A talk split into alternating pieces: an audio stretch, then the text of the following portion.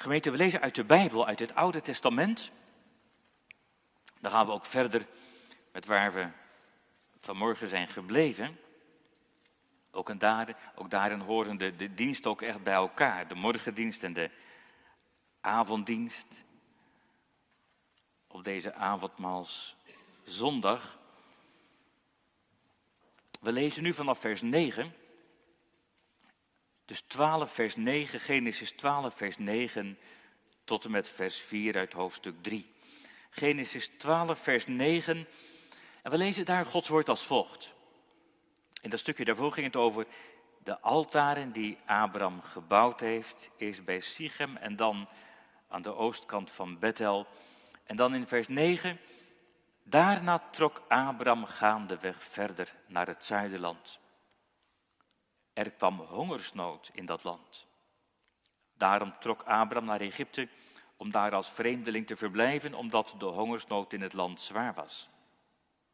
En het gebeurde toen hij op het punt stond om Egypte binnen te gaan, dat hij tegen zijn vrouw Sarai zei, zie toch, ik weet dat je een vrouw bent die knap is om te zien. Als de Egyptenaren je zien, dan zullen ze zeggen, dat is een vrouw, dan zullen ze mij doden en jou in leven laten. Zeg toch dat je mijn zuster bent, zodat het mij omwille van jou goed zal gaan en ik omwille van jou zal blijven leven. En het gebeurde zodra Abraham in Egypte kwam, dat de Egyptenaren de vrouw zagen dat ze bijzonder knap was. Ook de vorsten van de farao zagen haar en ze prezen haar aan bij de farao. Daarom werd de vrouw meegenomen naar het huis van de farao. Omwille van haar deed hij goed aan Abraham, zodat hij kleinvee, runderen, ezels, slaven en slavinnen, ezelinnen en kamelen kreeg.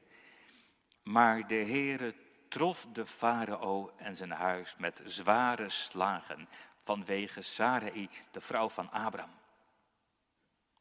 Toen riep de farao Abraham en zei, wat hebt u me aangedaan? Waarom hebt u mij niet verteld dat ze uw vrouw is? Waarom hebt u gezegd, ze is mijn zuster, zodat ik haar tot vrouw genomen zou hebben? Nu hier is uw vrouw, neem haar mee en ga. En de farao gaf enige mannen opdracht met betrekking tot hem en ze begeleidden hem en zijn vrouw en alles wat hij had het land uit. Zo trok Abram weg uit Egypte naar het zuiderland, hij en zijn vrouw en alles wat hij had en Lot met hem. En Abram was zeer rijk aan vee, aan zilver en aan goud. En hij reisde van rustplaats tot rustplaats, vanuit het zuiderland tot aan Bethel, bij de plaats waar zijn tent eerst gestaan had tussen Bethel en Ai. Bij de plaats van het altaar, dat hij daar vroeger gemaakt had. En Abraham riep daar de naam van de Heere aan. Tot zover. De tekst voor de preek is het laatste stukje, dus die versen 3 en 4. En dan staat er van Abraham, hij reisde van rustplaats tot rustplaats en en dan vooral wat er staat, naar die plaats waar zijn tent eerst gestaan had, tussen Bethel en Ai, naar de plaats van het altaar, dat hij daar vroeger gemaakt had. En Abraham riep daar de naam van de Heere aan.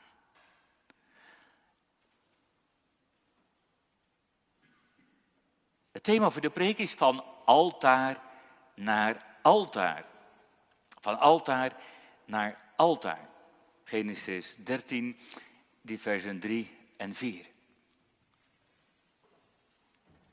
Gemeente, vanmorgen ging het over, over dat altaar. Een altaar voor de Heer. En voor Abraham zijn dat geestelijke hoogtepunten, die altaren die hij bouwt. We hebben gelezen vanmorgen in vers 7 dat de Heere daar aan hem verschijnt.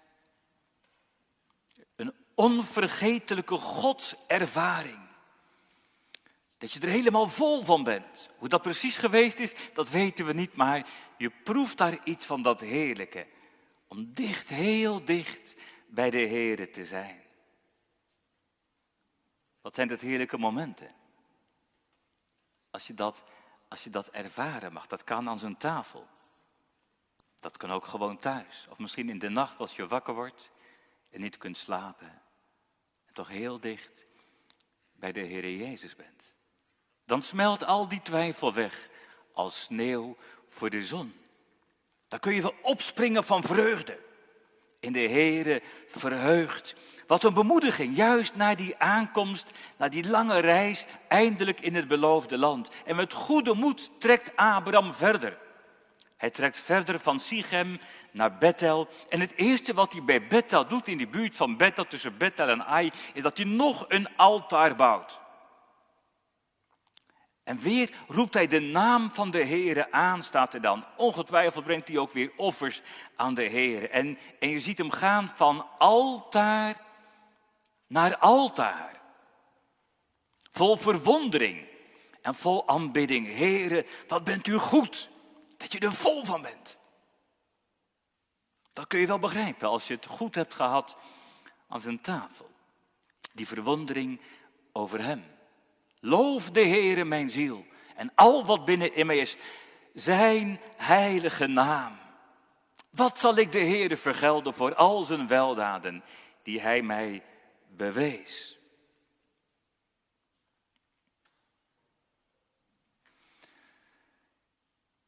Maar dan begint het gewone leven weer. Dan is er weer zoveel wat de aandacht vraagt. Als je rijk bent, dan heb je ook heel wat zorgen aan je hoofd. Je wordt in beslag genomen door van alles en nog wat. Dat kan natuurlijk ook als je arm bent. Als je de euro's echt moet omkeren. En dat je denkt, hoe zal het gaan in de komende winter? De vreugde in de Heere vervaagt. De verwondering verdwijnt. Wat lijkt de Heere ver weg?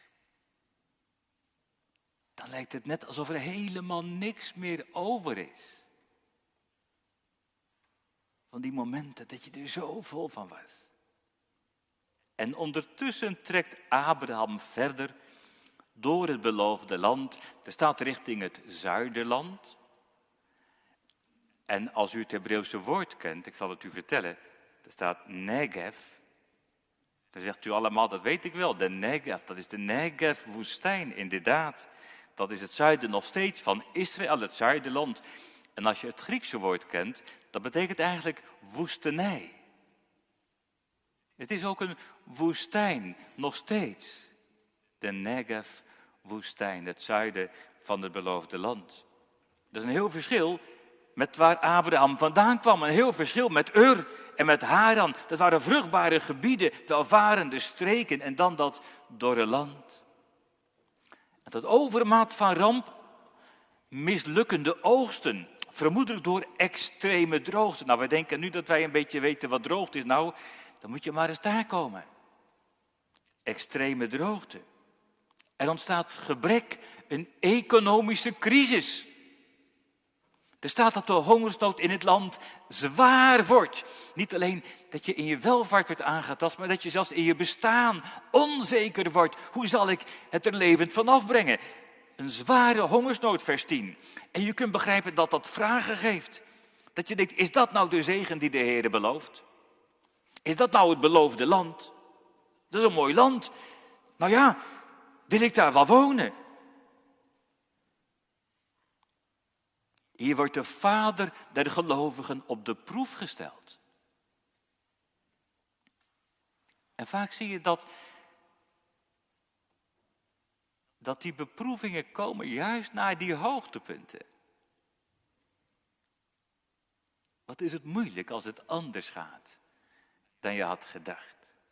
Wat kun je aangevochten worden als die weg van God door donkere dalen gaat? Dat je denkt, Heere God, waarom? Waarom? En waar bent u dan? En wat merk ik dan van u? Soms wordt het zo donker dat je denkt, bent u er eigenlijk wel? Bestaat u eigenlijk wel? Of is mijn bidden maar een beetje prevelen in de ruimte? Wat zal Abraham doen? Wat moet hij doen? Hij heeft de zorg voor een heel huisgezin en voor heel veel mensen die bij hem horen en voor vee. Zal hij terug naar Ur of naar Haran. Nou, dat is voor Abraham geen optie. Gode zij dank niet. Ja, maar wat dan? Blijven in het beloofde land, ondanks de honger? Of, of toch verder trekken naar Egypte? Dat is nog verder weg, maar, maar, maar daar is ongetwijfeld genoeg te eten. Ja, wat moet hij doen? Ja, er is voor beide wat te zeggen. Dat is dan typisch een voorbeeldje dat je merkt, soms laat de Heere God ons de keuze. Soms mag je kiezen. Als je wilt solliciteren, kan het met verkering zijn. Of met iets anders. Dat de Heere God zegt, eigenlijk, ja, kies maar. Je mag het zelf weten. Er staat hier niet dat de Heer zegt dat hij moet blijven of dat hij naar Egypte moet gaan. Maar één ding wil de Heer wel. Dat als wij een keuze maken, dat wij die keuze maken met Hem. Dat is de vrucht van de Heilige Geest. Dat je in wat je ook doet, dat je zegt, Heere, wat wilt u? En dat je bereid bent om het niet te doen als de Heere God dat duidelijk maakt. Maar dan mag je ook rustig gaan als je geen bezwaren weet voor Gods aangezicht. Want met de Heere kan hij in Canaan blijven. In de overgave aan de Heere. Want dan mag hij zeggen, Heere God, u hebt het zelf gezegd dat u voor mij zou zorgen. Dat kan ook als er hongersnood is. Maar met de Heere kan hij ook naar Egypte. In het geloof dat de Heere voor hem zal voorzien. Zo is later Jacob gegaan. En het mooie is van Jacob, als Jacob later gaat, in Genesis 46 staat dat, dat Jacob voordat hij de grens van het beloofde land overtrekt, dat hij offers brengt, dat hij de Heere zoekt. Jacob durft niet naar Egypte te gaan voordat hij weet dat de Heer met hem meegaat. Maar des te groter is het contrast met Abraham. Want we lezen nergens dat hij iets vraagt aan de Heer. En, en, en, nu lezen we even helemaal niks over een altaar. Ja, bij Jacob wel, in hoofdstuk 46, maar hier niet. Niks over het aanroepen van de Heere God. Ik las ergens voor wie zijn eigen gang gaat. En dat is altijd een gevaar voor ons allemaal. Dat je maar je eigen gang gaat en doe wat ik zelf wil. Is het moeilijk om op God te vertrouwen. En al komt van het een het ander. Abraham is al bijna in Egypte. Maar net voordat hij Egypte binnengaat, dan, dan gebeurt er iets. Ja, niet dat hij begint te bidden, nee, maar hij schrikt wel. De schrik slaat hem om het hart. Wat staat mij daar te wachten? En ben ik daar wel veilig? En, en mevrouw Sarai? Hij weet dat zijn vrouw een knappe verschijning is. Dan moet u weten dat ze dan al 65 is. Dat klinkt ons misschien een beetje vreemd in de oren, 65 jaar. En dan nog een knappe vrouw. Zeer knap staat er zelfs in de Bijbel. Nou ja, aan de ene kant werden mensen toen ook ouder dan nu. Dat weten we ook van Abraham en Sarai. Maar bovendien is schoonheid meer dan alleen een jong lichaam. Ondanks haar jaren is Sarai indrukwekkende persoonlijkheid. En Abraham maakt zich zorgen. Stel je voor dat er straks een Egyptenaar is die wel met haar zou willen trouwen. En stel je voor dat die Egyptenaar mij dan uit de weg zou ruimen. Ik ben toch maar een vreemdeling, dan kan hij misschien doen wat hij wil. Dan denken ze misschien ook wel in Egypte. Ja, dat zijn asielzoekers, daar wil ik niks mee te maken hebben. Of die hebben toch geen rechten. Wij kunnen ons dat niet zo goed meer voorstellen. Maar er zijn wel voorbeelden uit de oudheid dat men dan de man gedood heeft om met de vrouw te kunnen trouwen. Nou ja, hoe dan ook, Abraham spreekt met Sarai af dat ze maar moet doen alsof zij de zuster van Abraham is. Dat is een halve waarheid. We weten dat Abraham en Sarai dezelfde vader hebben, maar niet dezelfde moeder. In Genesis 20, vers 12 staat dat. Maar die halve waarheid is een hele leugen. Want Sarai is met Abraham getrouwd. Ja, zo'n huwelijk mag in onze tijd natuurlijk niet meer. Met een halfzuster. En dat is ook later in de Bijbel verboden. Maar dat is echt pas later, honderden jaren later, als er ook veel meer mensen zijn en het gevaar van intilt ook groter is geworden. Maar in die tijd was dat nog niet zo. Er waren nog geen verboden voor zo'n huwelijk. Maar waarom wil Abraham dat Sarai verzwijgt dat ze getrouwd is met hem? Nou ja, als er dan toch iemand in Egypte belangstelling voor Sarai zou hebben, dan is Abraham tenminste geen concurrent. Geen concurrent die misschien uit de weg geruimd zou moeten worden. Integendeel, want dan zou zo'n man alle reden hebben om bij die zogenaamde broer in een gunstig blaadje te komen. Om zijn goedkeuring te krijgen. En, en vermoedelijk denkt Abraham, nou ja, als dat dan toch zou gebeuren, wat misschien helemaal niet gebeurt, kan best allemaal meevallen, maar als het dan gebeurt, dan kan ik zo iemand wel een beetje aan het lijntje houden. En als het helemaal fout gaat, dan kan ik altijd nog met Sarai vertrekken. In ieder geval loopt mijn leven zo geen gevaar. Dat is vaak met die slimme plannetjes. Hè? Dan denk je, nou ja, op zich kan natuurlijk fout gaan, maar het zal wel meevallen. En, en als je erover nadenkt, dan weet je het zo te redeneren dat het allemaal klopt en niemand kan er iets tegen inbrengen. En je wilt ondertussen alleen maar je eigen belangen veiligstellen. Het gaat puur om jezelf. Maar er lijkt geen spel tussen te krijgen. Totdat je merkt dat je tot over je oren in de problemen zit. Want het loopt bij Abraham gigantisch uit de hand. De Egyptenaren die vallen inderdaad voor Sarai, maar die belangstelling blijft niet beperkt tot de gewone mannen. Want de farao in eigen persoon wordt geattendeerd op deze vrouw, de farao. Nou, die werd bijna als een god vereerd, of helemaal zelfs. En, en, en dan wil de farao met haar wel trouwen. En, dan kan Abraham helemaal niet meer terug. Want, want ja, als ik tegen de farao inga, dat is, dat is pas echt vragen om een dood. Want het was voor die vader om zo te zeggen, en de knip met zijn vingers. En je lot was bezegeld. Hij durft niet te protesteren als zijn vrouw wordt meegenomen naar het huis van de farao. Dat staat er ook. En dan zie je dat hedendaagse uitleggers heel makkelijk zeggen, nou ja, dan zal hij wel meteen met haar naar bed gaan. Maar dat is maar de vraag.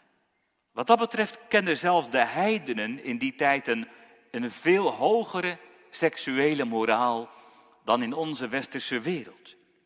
Wat in onze westerse wereld normaal is geworden, je gaat wel met iedereen naar bed, maakt allemaal niet uit. Dat was ook in die tijd ook bij de heidenen ondenkbaar. Waarschijnlijk wordt je voorbereid op een huwelijk op een huwelijk met de farao, een officieel huwelijk, net als later ook met koningin Esther. U weet dat wel. Maar ondertussen profiteert Abraham er flink van. Zakelijk en financieel. Er staat in vers 16, er staat, omwille van haar deed hij goed aan Abraham, zodat hij klein vee, runderen, ezels, slaven en slavinnen, ezelinnen en kamelen kreeg. Nou jongelui, wat denk je? Zou uh, Abraham zich gelukkig hebben gevoeld met al dat extra geld en al die bezittingen? Wat denk je? Wat heb je aan al je rijkdom als je huwelijk daardoor stuk loopt? Omdat jij zo graag rijk wil worden.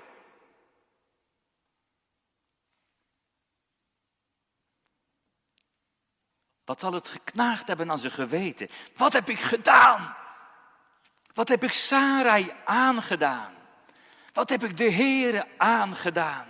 Wat ben ik egoïstisch geweest? Wat ben ik ongelovig geweest? Die geschiedenis van de Heere met Abraham lijkt zo mooi te beginnen. Maar hier lijkt die geschiedenis voorbij. Abraham is niet alleen zijn vrouw kwijt, maar met Sarai is hij de drager van Gods beloften kwijt. Dat is een hele mond vol, hè? Maar u begrijpt het wel. Want uit Sarai zou het beloofde nageslacht geboren worden. En uit Sarai zou de beloofde Messias geboren worden.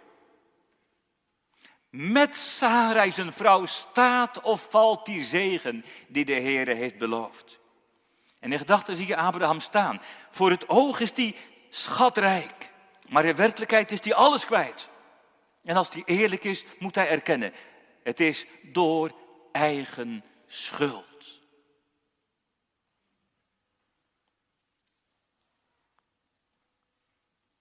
Maar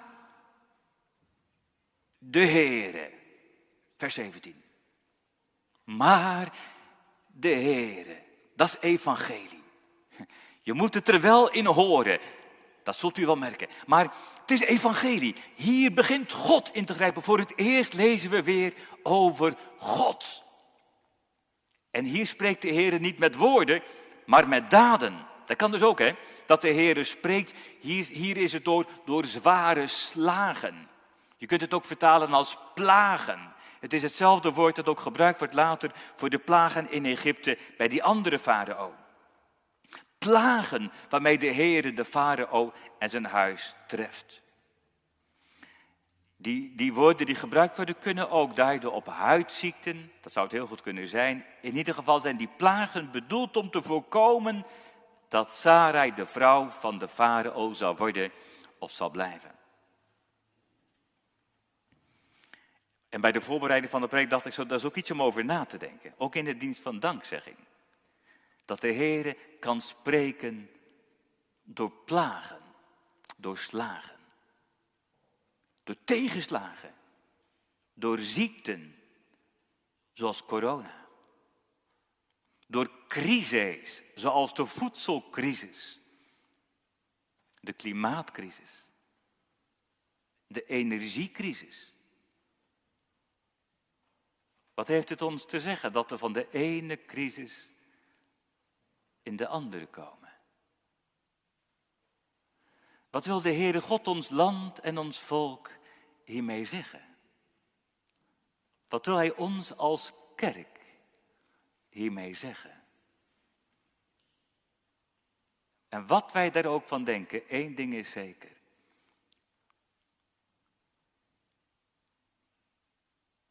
Dat de Heer ons land en ons volk terug wil brengen bij Hem. En dat wij daarin ons land en volk ook zullen voorgaan. In de terugkeer naar de Heer. In de aanbidding van Hem. In de gehoorzaamheid aan Hem. Om daarin het licht te verspreiden in deze wereld. Hoe zal die farao eigenlijk reageren op die plagen? Wat zal die doen? Nou, wat wij ook van deze farao denken, hij laat zich gezeggen. Dat is heel wat anders dan die latere farao. Maar deze farao luistert. Je kunt je afvragen, hoe zou hij dat nou te weten zijn gekomen van Abraham en Sarai? Nou, misschien heeft Sarai het hem zelf wel verteld, dat weet ik ook niet. Maar hij weet het wel. En hij verhardt zich niet. Daarin is deze heiden een voorbeeld voor ons allemaal. En voor ons land en voor ons volk. Hij verhardt zich niet. Hij laat zich leiden. En, en dan laat hij Abraham ontbieden.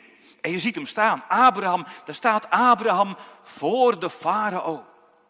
Maar, maar daar, staat hij, daar staat hij niet vier, zo van hier sta ik, zie mij hier staan. Daar staat hij met een gebogen hoofd. Daar staat Abraham voor de wereldse rechter. Notabene voor een heiden. Maar de verwijten komen hard aan. Lees maar mee, vers 18 en 19. Dan zegt die farao, wat hebt u me aangedaan? En waarom hebt u me niet verteld dat ze uw vrouw is? En waarom hebt u gezegd, ze is mijn zuster, zodat ik haar tot vrouw genomen heb of zou hebben? Nu hier is uw vrouw, neem haar en ga. Nou, als je zo voor de wereldse rechter staat, dan ben je geen zegen voor de volken. Ja, dat zou die moeten zijn. Zo geef je geen goed getuigenis van de Heer. Zo maak je de naam van Christus stinkend. En Abraham heeft helemaal niks terug te zeggen. Beschaamd staat hij voor de farao. Hij kan de farao niks verwijten. Hij kan de farao niet verwijten dat hij hem wegstuurt. We zouden zeggen, onder politiebegeleiding wordt hij het land uitgezet. Wegwezen jij, we hebben jou niet nodig.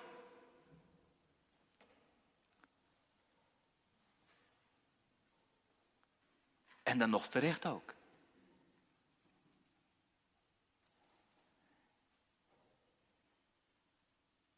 Soms denken mensen als Abraham nou zo gezondigd heeft.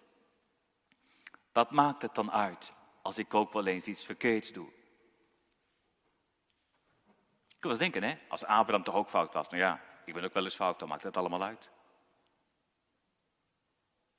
Dat kun je wel eens denken. Maar dan zou ik je willen vragen, wil je dan ook zoals Abraham te schande worden gezet? En wil je dan ook graag dat door jou of door mij, dat, dat de naam van Christus wordt gelasterd? Wil je dat dan graag? Wil je graag te schande staan op de oordeelsdag? Want alles komt openbaar. Als het nu niet is, dan straks. Ik vraag liever iets anders. Aan u en ook aan mezelf. Zou je, zou je de voetsporen van Abraham niet liever willen volgen, ook in zijn verdere leven? Want het blijft hier niet staan. Abraham blijft hier niet steken. Gode zij dank. Als het over David gaat, zei iemand een keer, hij zei, heel veel mensen hebben wel gezondigd, zoals David.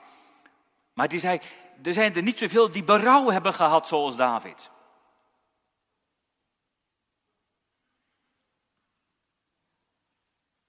En dat berouw is ook iets van de avondmaalsvreugde. Als u begrijpt wat ik bedoel. Je zou het ook over Abraham kunnen zeggen. Want er blijft hier niet steken. Abraham reist verder. Hij gaat vanuit Egypte terug naar het beloofde land. En hij rust niet voor hij terug is in Bethel. En daar komt dat altaar weer in beeld. Dat was toch het, het, thema? Van, van altaar naar altaar. Hij komt terug bij dat altaar dat hij eerder heeft gebouwd. Dat heb je soms nodig. Zo'n zichtbare plaats om terug te keren naar de Heer. Een zichtbare plaats van berouw. Een zichtbare plaats van verzoening. Dat kan dat kan ook misschien in een gesprek zijn. Als je samen met iemand op de knieën gaat. Een schuldbeleid. Maar ook dat machtige wonder van de verzoening mag ervaren. Het herstel van de relatie met de Heer. Een altaar van God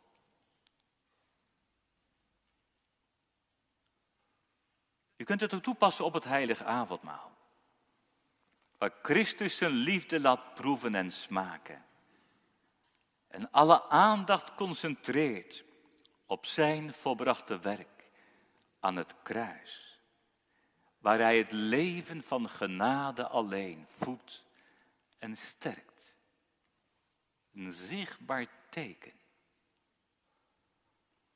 Een tastbaar teken.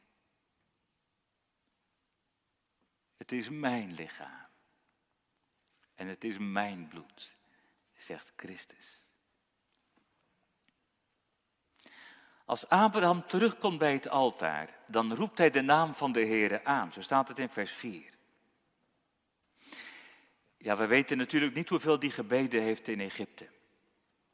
Misschien begon hij pas weer te bidden toen hij in zijn rad zat. En het helemaal fout ging, ik weet het niet. Maar hier zien we hem weer als een man van gebed.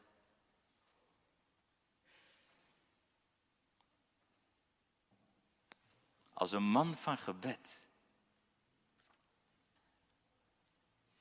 Ja, waarom, waarom zou je dat eigenlijk doen? Waarom zou je eigenlijk bidden?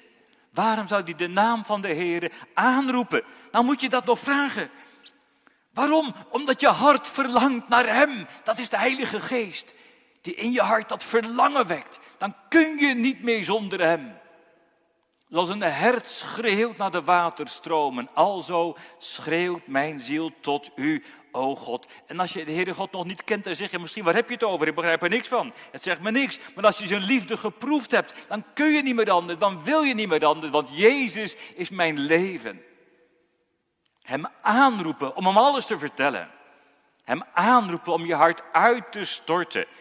Om schuld te beleiden, iedere keer opnieuw. Om vergeving te vragen. Om een beroep te doen op zijn genade. Op zijn beloften. Heren, u hebt het zelf gezegd. Ongetwijfeld heeft Abraham het niet bij bidden alleen gelaten. Bij een altijd denk je als vanzelfsprekend ook aan offers. Daar heb ik vanmorgen iets over gezegd. Offers, offers voor de zonde. Offers voor de schuld. Leven van altaar naar altaar. Van avondmaal naar avondmaal. Dat is leven van verzoening.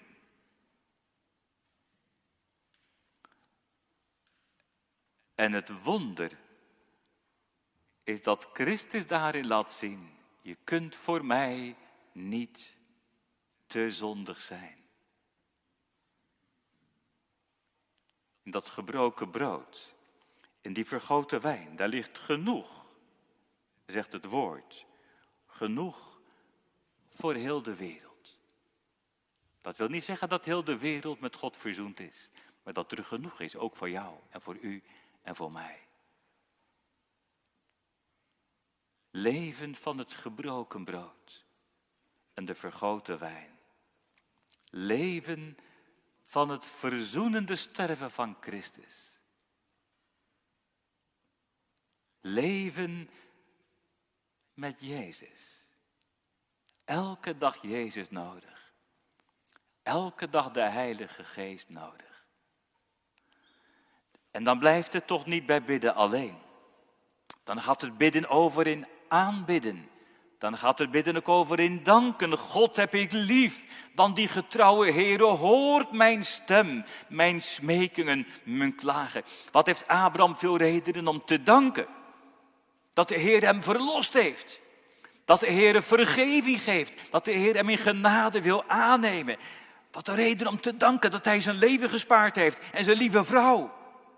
En, en dat hij zijn lieve vrouw teruggekregen heeft uit de handen van de Heere zelf. Want het was God die hem gered heeft uit die ellende. En samen mochten ze terugkeren naar het beloofde land.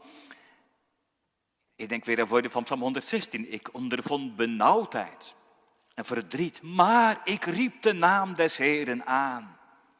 De Heere is genadig en rechtvaardig en onze God is een ontfermer. Wat een vreugde in Hem, om wie Hij is, om wat Hij doet. Misschien ook wel als je vanmorgen of vanavond voor het eerst mocht aangaan. Of, of misschien voor het eerst na lange tijd. Of opnieuw, dat je mocht proeven en smaken wie de Heer Jezus voor je is. De gang van altaar naar altaar. Ze gaan van kracht tot kracht steeds voort. Het heeft ook iets van een vernieuwing van het verbond. Bij de Puritijnen merk je dat wel eens, dat ze erover spreken, de vernieuwing van het verbond. Maar het is allermeest ook een bijbelse gedachte. Dat, dat de relatie tussen, tussen de Heere God en Abraham wordt vernieuwd. Dat de relatie wordt versterkt. Dat Abraham weer mag ervaren dat de Heere goed is. En dat hij opnieuw zijn hele leven legt in de handen van de Heere. Dat hij zich opnieuw helemaal wijdt aan de Heer. Heer, hier ben ik. Neem mijn leven, laat het Heer toegewijd zijn aan uw eer. Om u te gehoorzamen en te dienen. Om met u te leven wat u wilt. Dat is goed. Het is een verbondsvernieuwing. Om helemaal met hem te zijn. Op hem gericht. Dan wordt de liefde vernieuwd. Dat hebben we elke keer weer nodig. Dat het vernieuwd wordt. Een verbondsvernieuwing. Dat de overgave wordt bevestigd. Dat is ook iets wat je vindt in Psalm 116. Ik zal u een offer van dankzegging brengen. Vers 17 en 18 van Psalm 116. En de naam van de Heere aanroepen. Mijn geloften zal ik aan de Heere nakomen. Heb je wel eens wat beloofd aan de Heere God? Hebt u dat wel eens gedaan, iets beloofd? We zijn het misschien niet zo gewend, maar het is wel een bijbels gebruik dat je een gelofte doet aan de Heere God, dat je iets belooft aan Hem uit dankbaarheid. Dat kan zijn om iets te geven, iets op te offeren, om iets te doen, dat je iets belooft. Is het vandaag geen dag om beloften te doen aan de Heere God? Ja, misschien wel dat je zegt, nou, om beleidenis te doen. Of de beleideniscategorisatie te volgen. Of, of iets heel anders. Maar, maar, maar om je hart en leven over te geven aan Hem. Om je toe te wijden aan Hem. Om Hem lief te hebben, omdat Hij ons eerst heeft lief gehad. Om te strijden tegen alle zonde. Om de zonde te haten. Om Jezus wil om Hem te eren, om wie Hij is, om wat Hij doet. Loof de Heere mijn ziel en vergeet niet één van Zijn weldaden. Amen.